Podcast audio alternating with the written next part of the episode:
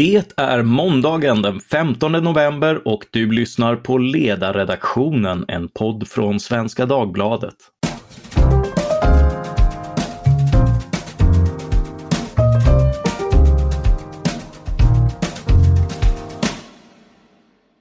Jag heter Mattias Svensson och dagens ämne är cyklandet som frihetsrörelse. Dagens gäst är Henrik Höjer, till vardags vetenskapsredaktör på tidskriften Kvartal, men även författare och filosofie doktor i historia och aktuell med boken Frihet på två hjul, en bok om cyklingens historia. Välkommen Henrik! Tack så mycket! Tackar! Boken du skrivit är ju främst en historik som börjar med cykelns utveckling. Kan, kan du börja kort med att beskriva de tre utvecklingsfaser som föregår cykeln av idag? Mm, det kan jag göra. Det är lite lustigt att cykeln har liksom växt fram i olika faser och är ju delvis en kollektiv produkt jämfört med men flyget kan alla se, det right och telefonen, det var Bell och så. Cykeln har många olika medskapare. Men den första och kanske mest kända är ju baron Carl von Dreis, en tysk professor, radikal, fritänkare. Han avsade sig sitt adelskap. Han kom på den här grejen att man kunde sätta två hjul i rad och sätta ihop dem, styra framhjulet, sparka sig fram med fötterna. Det här skedde sommaren 1817 i södra Tyskland. Eh, och det, den är ju påfallande lik en sån här springcykel min dotter lärde sig cykla på när hon var var tre, fyra, fem, jag minns inte. Det var precis en sån faktiskt. Det är lite lustigt att liksom gått varvet runt. Eh, så han sparkade sig runt på en sån här som var jättetung och gjord av trä och ändå gick att styra men i uppförsbackar tog det tvärstopp och i nedförsbackar så blev det ofta blåmärken och bulor, om man säger så. Mm. Så det var liksom första fasen och sen den blomstrade eller blommade ett par somrar. Sen hände inte så mycket mer på ett halvt sekel och det är konstigt tycker jag. Mitt under industrialismens uppfinningarnas tidevarv och man bygger ångbåtar som går över Atlanten och ja, vet allt som hände på början av 1800-talet. Men cykeln stod still. Fram tills någon kom på återupptäckte den där på 1860-talet i Frankrike nu och kom på att man kan sätta trampor på framhjulet. Ingen kedja, ingen broms, men trampor som på en sån här ja, trehjuling som barn också lär sig cykla på. Mm. och då gick det att få lite bättre fart på den här. Eh, och den kallas för Bone Shaker, benskakaren. Och den funkar lite bättre, men fortfarande samma problem. fanns ju fortfarande ganska få vägar. Eh, svåra att bromsa nedförsbackar och ofta tvärstopp uppförsbacke, för den var också jättetung, mestadels gjord av trä. Och den tredje delen som alla känner till, som alla, om man frågar folk när jag skrev boken vad liksom om cykelns historia, så vad, vad vet ni? Liksom, för att göra en minigallup var ju, ja men sådana med höga hjul har man ju sett, herrar i hatt liksom, och kostym som trampar runt. De kom, de var ju faktiskt en väldigt liten del av cykelns historia. De fanns några år runt på 1870-talet så fanns den här höghjulingen då med jättehögt framhjul och jättelitet bakhjul. Och den funkar också hyfsat bra, men var ju farlig. Folk ramlade framåt och folk ramlade åt sidan. Det kallas för the widowmaker och det var de tre faserna. Sen på 1890-talet kom då den moderna cykel som du och jag känner igen som en cykel och skulle kunna cykla på som en cykel. Ja, vad utmärker den? Eh, säkerhetscykeln kallas den Den kallas säkerhetscykeln för att den var så säker jämfört med de tidigare. Framförallt nej, men den inte lika ut... många änkor. Nej, nej, förmodligen inte. Nej, men den ser ut som en, en modern, som ungefär min pappas cykel. Om man tänker sig så, en klassisk herrcykel. Alltså två lika stora hjul med luft i däcken. Det var en, en uppfinning från 1892, något sånt där med ventil och gummidäck och kedja och drift bakhjulet och fotbroms. Och, eh, ja, vi skulle kunna hoppa upp på den och cykla du och jag. Den såg påfallande modern ut faktiskt. Den, den kom tidigt 1890-talet och den liksom slog igenom direkt. Det var, liksom, det var grejen. Den, den hittade sin form. Och cyklingen fick liksom enormt momentum då. Sen har det inte hänt så mycket egentligen. Sen man har filat på alla detaljer och gjort den lättare och smidigare och så, men egentligen grundkonceptet har, var klart för 130 år sedan ungefär. Så det är också fascinerande att den har stått så stilla. Man, bilen har hänt betydligt mer med sedan 1890-talet än cykeln om man säger så. Till exempel. Eller flygplanet. Ja, eh, du, du, beskriver den tid som cykeln slår igenom här, att det är heroismens, upptäckarnas, ingenjörernas, vetenskapsmännens och uppfinnarnas tidevarv. Vad finns att säga om tiden mer generellt och hur, hur, hur representativ är cykeln för hur innovationer och prestationer ses? Ja, det, det är lite lustigt tycker jag, för att den är ju en ganska primitiv uppfinning i den här ingenjörens tidevarv. Alltså, jag tror jag skrev någonstans eller sa i en intervju att alltså, hjulet har ju funnits i 5000 år men idén att sätta två hjul i rad och balansera dem och trampa på det, den, det är en jätte, jätteprimitiv uppfinning. Man kunde göra liksom smarta grejer i antiken. men eh, det, det har jag egentligen inget bra svar på hur det här kopplas till den här uppfinningseran och ingenjörerna och forskarnas tidevarv, att en så primitiv uppfinning kommer så sent. Alltså, näst, alltså flyget kom ju på tidigt 1900-tal, bilen kom på 1890-talet. Så att, eh, jag har inget bra svar på din fråga. Jag är bara lite förundrad över att det är ganska basic. Det är inte rocket science att göra en cykel, men eh, det drar inte så sent i historien.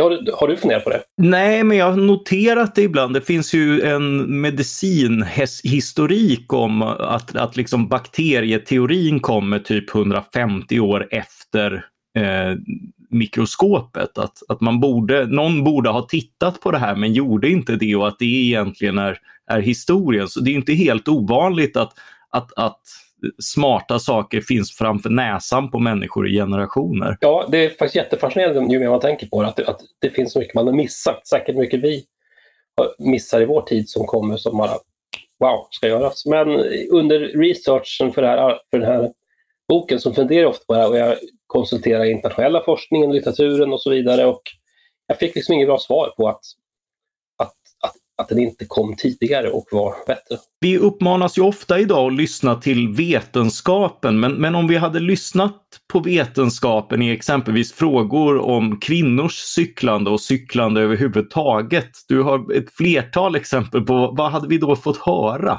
Ja, att, att kvinnor kunde förlora menstruationen eller bli alltför promiskuösa eller drabbas av hysteri och konstiga sjukdomar. Nej, men det här var ju tid av där, där kvinnokroppen medikaliserades väldigt kraftigt. Det har vi läst om i Karin Johannessons böcker. Och så här. Det var viktorianismens tidevarv och kvinnan skulle ju framförallt vara, eller den borgerliga kvinnan skulle ju framförallt vara passiv, möjligtvis spela piano, brodera, läsa en roman.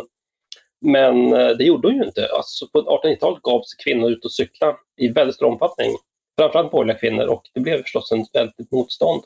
Det finns ett kul klipp på Youtube som du säkert kan länka upp, från Hyde Park 1896 där folk cyklar, massor cyklar sveper förbi, som filmades då. Eh, och då någon sa att ungefär en tredjedel av cyklisterna på den tiden var kvinnor. Det stämmer rätt bra med det här klippet. Att det, det, var, det är väldigt många kvinnor som cyklar. Trots då vad medicinen och vetenskapen och experterna mm. sa, så, så cykeln var ju för smart. Kvin, kvinnan vann ganska snabbt den kampen om liksom normerna. Det var, till att börja med ansågs det omoraliskt och osedligt och eh, någonting, det, det, var någonting som skavde det att en kvinna satt gränsle på en cykel och stack iväg från hemmet. Ni får lämna resten åt fantasin. Men, men många män stördes på det helt enkelt. Eh, men eh, inte så länge. De, de fick ge upp. Att kvin, kvinnorna vann den kampen precis. De kort på vann även rösträttskampen i många länder. Så att det låg ju som i tiden av kvinnofrigörelse. Ja, kvinnor och cykling är ju värt ett eget kapitel och får det också i din bok. Eh, vad, vad, betyder cykeln för, för kvinnors frigörelse? Du är ju inne på det här att det... Det har väldigt mycket att göra för, för, um, för dejtandet. Den borgerliga kvinnan dejtar ju ofta med någon form av förkläde, någon moster eller kusin eller något sånt där som följde med när hon skulle träffa en ung man. Men cykelkulturen gjorde att hon lätt kunde kunde lämna hemmet själv och cykeln blev ett redskap för flört och kutis. Det vet uppenbart i samtiden. Det finns massor med skämtteckningar och roliga historier, anekdoter om det här. Att det kunde vara vykort med två, en herr och en damcykel stod parkerade vid en skogsdunge och de var liksom inne i skogen och were, ja, mm -hmm. gjorde, gjorde, gjorde något fuffens eller vad det nu var. Så det var väldigt tydligt och en del källor var ganska, så här, ganska opryda trots tvärtom man skulle kunna tro om det här. Man såg, det kunde ses som rätt så mm, bra för äktenskapsfrekvensen. Barnafödandet minskade kraftigt i Sverige på 1890-talet och sjönk och en del tyckte det här var ett problem. Idag vet vi att det är ett tecken på att ett land blir rikare, att det föds färre barn, men många tyckte, jaha, vilka ska göra värnplikt? Vi kommer bli försvagad som nation. Att då unga män och kvinnor sågs per cykel och barn såg det som positivt. Andra såg det förstås som negativt. Det var en, en kulturkamp kring det förstås.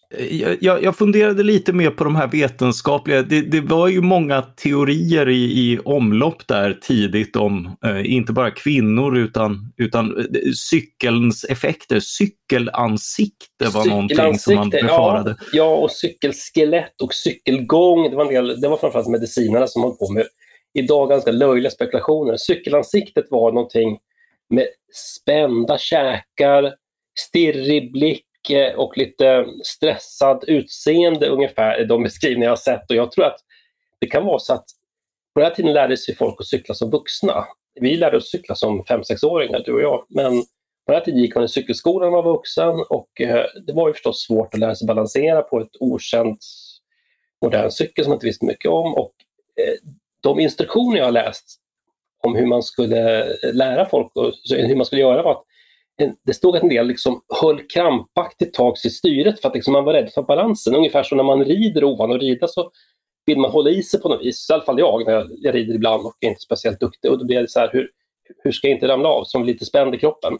Jag tror att det kan vara det där som gjorde att folk såg en slags cykelansikte, att man var lite spänd och stirrig. Och så. Men det är bara min egen spekulation kring det. här. Ja, ja och, och, och, det var ju, ska ju sägas, alltså, det var ju okänt territorium. Alltså, ja. Cykeln var väl det första, eller ett av de första fordonen som lät människor färdas fort på, ja. på, på, egen hand. Och... Av egen muskelstyrka. Det, det har länge funnits en dröm om att göra sådana fordon för att man ville ersätta hästen som kan bli, bli gammal och sjuk och trött och måste ha mat och hö och är dyr att köpa. Men det gjordes försök till fordon redan på 1600-talet, men de alla byggde för att de skulle vara tre eller fyrahjuliga och drivas med muskelkraft och någon typ av kedjor eller hävstänger. Men det har varit för tungt. Det måste ner på två hjul för att det ska bli lätt att funka. Så det var när balansakten uppkom på 10-1800-talet som det här funkade att ta sig fram. Men jag tänkte bara säga, cykelgång var ett som läkare ska också, det att man liksom gick med fötterna i slags snurrande. Ja, jag vet inte riktigt. De försökte beskriva det, att man, att man liksom påverkas av trampandet, att det hade någon slags menlig effekt på ens sätt att gå. Ja, ja, ja och det, det, var någon annan någon entusiastisk tysk läkare som, uh, som ansåg att det botade alkoholism och den stora sociala frågan med drickandet. Jajamän, ja, jo, det, det fanns Så det fanns som... väl en övertro också på på vad den kunde åstadkomma. Absolut, så nästan alla nya tekniker så blir ju en del alltför optimistiska och en del blir alltför pessimistiska. Sen efter ett tag så börjar folk sansa sig. Ja, men det var väl rätt bra, det kanske inte var så farligt och så vidare. Och det, det har man sett många, många andra grejer. Och cykeln hade sin period av de här yvigheterna på sent 1800-tal. Man var extremt optimistisk, det skulle lösa, som du säger, alkoholism och massa sociala problem. Och en del trodde att det här var, någon kallade det för tortyrmaskin och någon kallade det för frihetsmaskin. Jag tyckte en frihetsmaskin, liksom, det sattes hos mig att det var en moderna frihetsmaskin. Och liksom, när vi sätta titeln på boken så var det så givet att det, hade, liksom, det var frihet på två hjul. För att, det var, att de här två hjulen fick det att funka, att snurra på riktigt. Så det gav sig direkt. Frihet på två hjul skulle det heta. Ja, eh, eh, jag hittade ett litet citat från ditt sammanfattande kapitel. Eh, Cykeln motarbetades i sin barndom av kyrka och konservativa och patriarkala krafter. Under senare tid har den bromsats av Nazityskland, Burma, islamister och Nordkorea. Den individuella friheten den symboliserar och inkarnerar har alltså ofta setts som ett hot av auktoritära krafter. Och kanske är den där och kanske är den därför ett mått på just individuell frihet. Det cyklas trots allt allra mest i världen i Västeuropa och USA och allra minst i Afrika och Centralasien. V vad är det som kopplar cykeln till individuell frihet? Eh, oj, vilken bra fråga, vilken svår fråga. Nej, men alltså, det här noterar man redan på, på 1860, 70, 80-talet i, de, i det pressmaterial gått igenom att det här var ett verktyg för den enskilda individen. Man behövde inte ta hjälp av någonting annat. Man var inte beroende av tågtidtabeller eller häst som jag sa tidigare. Eller, ursäkta. Eh, så att för oss är det så självklart att cykeln, man kan sticka en mil på en halvtimme om man är något sånär vuxen och vältränad. Eh, vi har, jag har svårt att förklara det. Det är, det är klart det är en frihetsgrej. Eh, och det, den har ju väldigt tydlig koppling till moderniteten och till det, de individualistiska samhällena. Alltså cykeln skapades i Tyskland, Frankrike och England framför allt. Och det är fortfarande in, idag är det cyklingen störst i nordvästeuropa. Kanske lite mer i Sydeuropa också, men där är det mer handlar om faktiskt tävlingscykling och sånt. Men cykling som folknöje, folktransport, är ju överlägset störst i den här delen av världen. Eh, jag har inget bra svar. I USA cyklas en hel del, men där är ju mer en fritidsaktivitet. Amerikanska städer är inte byggda för cyklare, de allra flesta. New York möjligtvis. Eh, har jag försökt cykla i en gång. Eh, men i, Asien och Afrika så är ju cyklar framförallt transportmedel på landsbygden för män. Det är fortfarande idag är det motarbetas ju kvinnlig cykling på samma sätt som i Europa för över hundra år sedan, i Mellanöstern till exempel. Väldigt mycket starka hedersnormer mot att kvinnan ska cykla. Iran tror jag det har, har, har det luckrats upp, men det har varit någon sån sharia-grej att kvinnor inte ska cykla. Samma i Saudiarabien, så att det, det är ett mått på frihet, tycker jag, eller tror jag mig se i mitt material. Mm. Ja, den, den mötte ju både entusiasm och fientlighet och du har många roliga exempel i boken. Vilka var cyklandets fiender i början och varför? Eh, oj, cyklandets fiender var väl framförallt som du nämnde konservativa krafter, men även, det är lätt att, att tolka det som att det är män mot kvinnor, men kvinnor som cyklade i Sverige har, har vittnat om att några av deras största motståndare var andra kvinnor som tyckte att man, de har sett kvinnor cykla förbi, man har skymtat bar hud, bara lår när solen blåste upp. Det här äldre kvinnor tyckte var förfärligt för det, det kvinnliga släktet gör sig till karar och så vidare. Så det fanns ett motstånd från många håll, men förstås från kyrka och konservativa ungefär så. Sen var det en massa eh, motstånd i städerna. I Stockholm var ju eh, cykelanarki på 1890-talet som löstes delvis med en cykelförordning som kom 1894 eller 1896, jag minns inte, det står i boken då man reglerade helt enkelt vilka gator man fick cykla på, vilka man inte fick cykla på, vilka man fick cykla långsamt på. För att det blev ju ofta eh, kaos i trafiken helt enkelt. Folk blev påcyklade och det sades att hästar blev skrämda och hundar angrep cyklarna och eh, en del på landsbygden störde sig på cyklar, strödde ut glas på vägarna för att man skulle få punka efter säkerhetscykeln hade kommit, när, när det kunde bli punka så att säga. Eh, för att man tyckte cyklarna skrämde hästar och skrämde boskapen. Så att det fanns många fiender, men också många vänner som tur var. De vännerna vann. Ja, eh, du, du, har, du har någon, eh, jag, jag, hittade inte riktigt var, som formulerade ganska tidigt ett antal regler som var rätt eh, hållbara också idag. Ja, det var en, en Adolf Östberg som var Sveriges största cykelentusiast. Kan man säga. Han skrev ett flertal böcker sent 1800-tal om cyklingen och han beskriver ganska bra hur hur man ska köpa en cykel, hur man ska bete sig och hur man ska också bete sig för att, in, för att inge respekt. För att inte bli... Det fanns ett velocipedhat på den här tiden och han var väldigt medveten om det och han tyckte det berodde på att många cyklister i cyklingens barndom betedde sig illa. De cyklade för fort, de cyklade på folk och de skrämde gamla och de ja, väsnades och sköttes inte. Så att han, han manade till liksom, vad säger man, hyfs och bättring i de egna leden. Och det kan man tänka på idag, att kanske de här elsparkcykelåkarna skulle hitta någon, någon, någon, som kunde föra deras talan och tala om för dem att vi, vi borde skärpa oss, annars kommer folk kasta sten på oss ungefär. Så han, han en massa regler. Man skulle, man skulle titta framåt, man skulle inte snegla på flickor på trottoaren och sådana saker och se sig för. Ja, det, det, låter ju rimligt. Du nämner även att nazisterna hörde till cykelmotståndarna och förbjöd cykelklubbar. Va, vad handlade det om? Ja, det faktiskt, jag, jag vill minnas att jag nämnde i boken, jag har faktiskt inte något bättre koll på det, men Hitler sades det sägs att Hitler inte gillade cykling och han var tydligen cykelbud i första världskriget.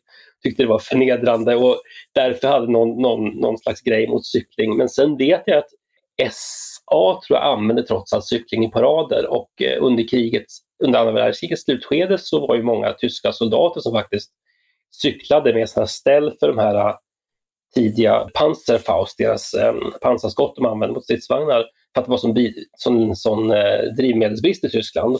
Så att tyska armén var ju cyklande sista, sista månaden av kriget för det fanns ingen soppa för deras stridsvagnar i bilen. Så att det är lite dubbelt. Men jag, jag, har, jag ska ju veta mer om det själv. Jag, jag nämner i boken men jag kan inte faktiskt fördjupa det. Din bok tar sig fram till modern tid och på den vägen ska vi nämna att när cykeln, som när den kom representerade modernitet och framsteg på senare decennier blivit en symbol för samhällskritik och ett brott mot moderniteten. När sker det här? Jag tror det sker någon gång eh, på, på 70-talet, 80-talet, eh, oljekrisen och då börjar som bilismen och hela det här vårt konsumtionssamhälle efter, efter hippieran, 68-rörelsen, så kommer en kritik mot hela det moderna projektet. Och jag tror man kan foga in cykling i det, i det, det kritiken, att man, man väljer bort bil och sådana saker och cyklar för att visa att man är miljömedveten, man är slags eh, fotnä, marknära människa som lever i, i naturen. Eh, cyklingen fick ett uppsving på 70 80-talet. Under efterkrigstiden var ju bilismens stora tid. Eh, mellankrigstiden var snarare cyklingens stora tid. Vi hade ekonomisk kris och andra världskriget som sagt var det livs, drivmedelsbrist och cyklingen var liksom större än någonsin. Men sen efterkrigstiden, slutet av 40-talet, 50-talet, början av 60-talet var ju var då alla skaffade bil och cykeln fanns ju där, men det var ju någonting för den som inte hade råd med bil helt enkelt. Men sen kom cykeln tillbaka skulle jag säga på 70-80-talet. Det kommer nya modeller, det kommer mountainbikes, 10 växlars racers med jättetunna däck. Jag hade en, man köpte 87 tror jag, sånt där. Och också en reaktion mot det här konsumtionssamhället där cykeln passade in som en liten pusselbit i det, skulle jag tro. Mm, jag funderade bara häromdagen på den lilla detaljen stingpinne som var mer eller mindre obligatorisk på cyklar när jag växte upp. Det var alltså en liten plastgrej som man fällde ut med reflex på för att eh, bilarna skulle hålla avstånd. Den, den är försvunnen nu. Den kom tydligen på 70-talet. Vet du vad som hände med den? Ja, jag nämnde den i boken och då var funderade. Den, den tydligen lanserades, om jag minns det rätt, tillsammans med Expressen, tidningen med Sting att man kunde köpa ah. den via Expressen. Och jag var fascinerad, så jag kollade, finns de att köpa fortfarande? Jag hittade att, på en affär på Öland, så jag köpte en online och fick hem en stingpinne och monterade på min cykel. Min fru tittade på mig och sa, det där får du aldrig fälla ut när du cyklar med i alla fall. ja, men då får jag väl fälla ut när jag cyklar själv, tänkte jag. Och jag har det faktiskt på min cykel och fäller ut när jag cyklar på Sveavägen ibland. För det är reflexer på den och man har den ju på vänster sida så att man ska få lite avstånd och syns lite bättre. Och den är ju himla finurlig, men det är ingen som har den idag och jag har den som en retrogrej. Som en, man kunde köpa den för, för några 20 lappar. Det var kul. Ja, ja, jag är lite sugen själv på att ta tillbaka den för som sagt det, det verkar utomordentligt. Gör det. vi, vi skapar en ny, en ny stingrörelse.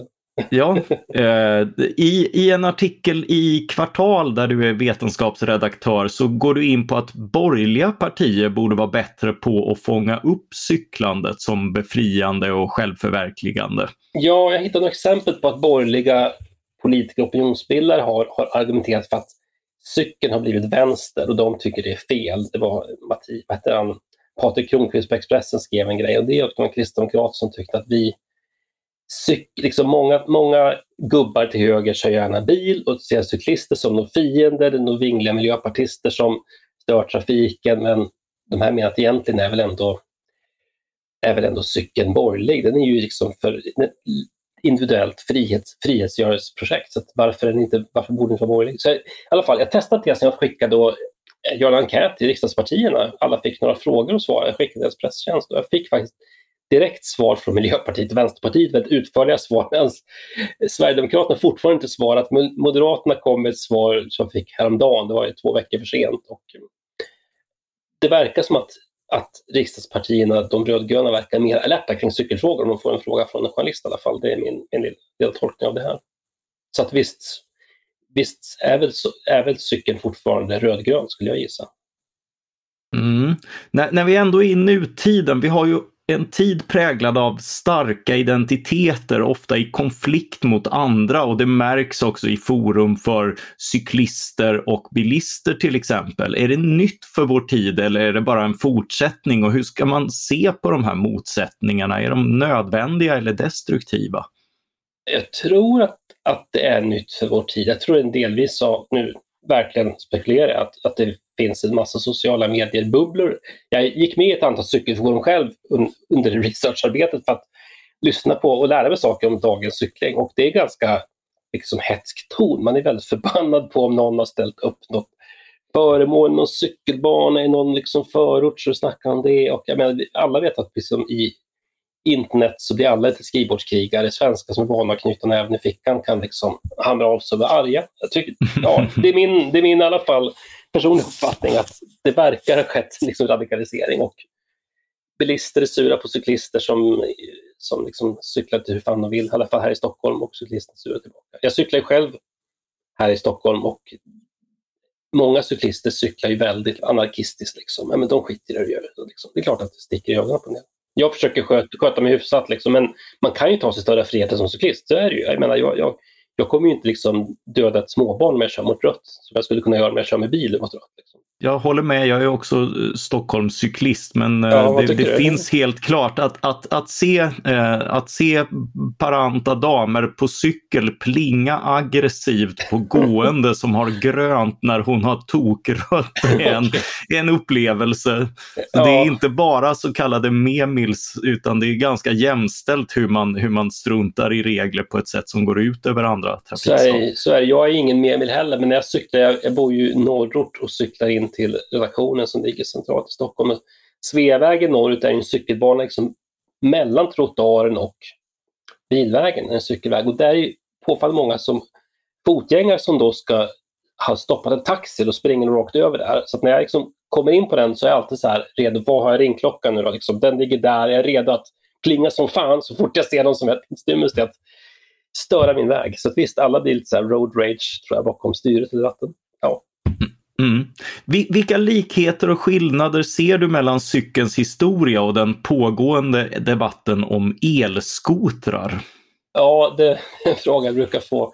Ja, men det är klart att det, det, det är väl lite grann samma polarisering nu och eh, här hat mot en nymodighet som är lite okontrollerad, anarkistisk i sin ungdomsfas.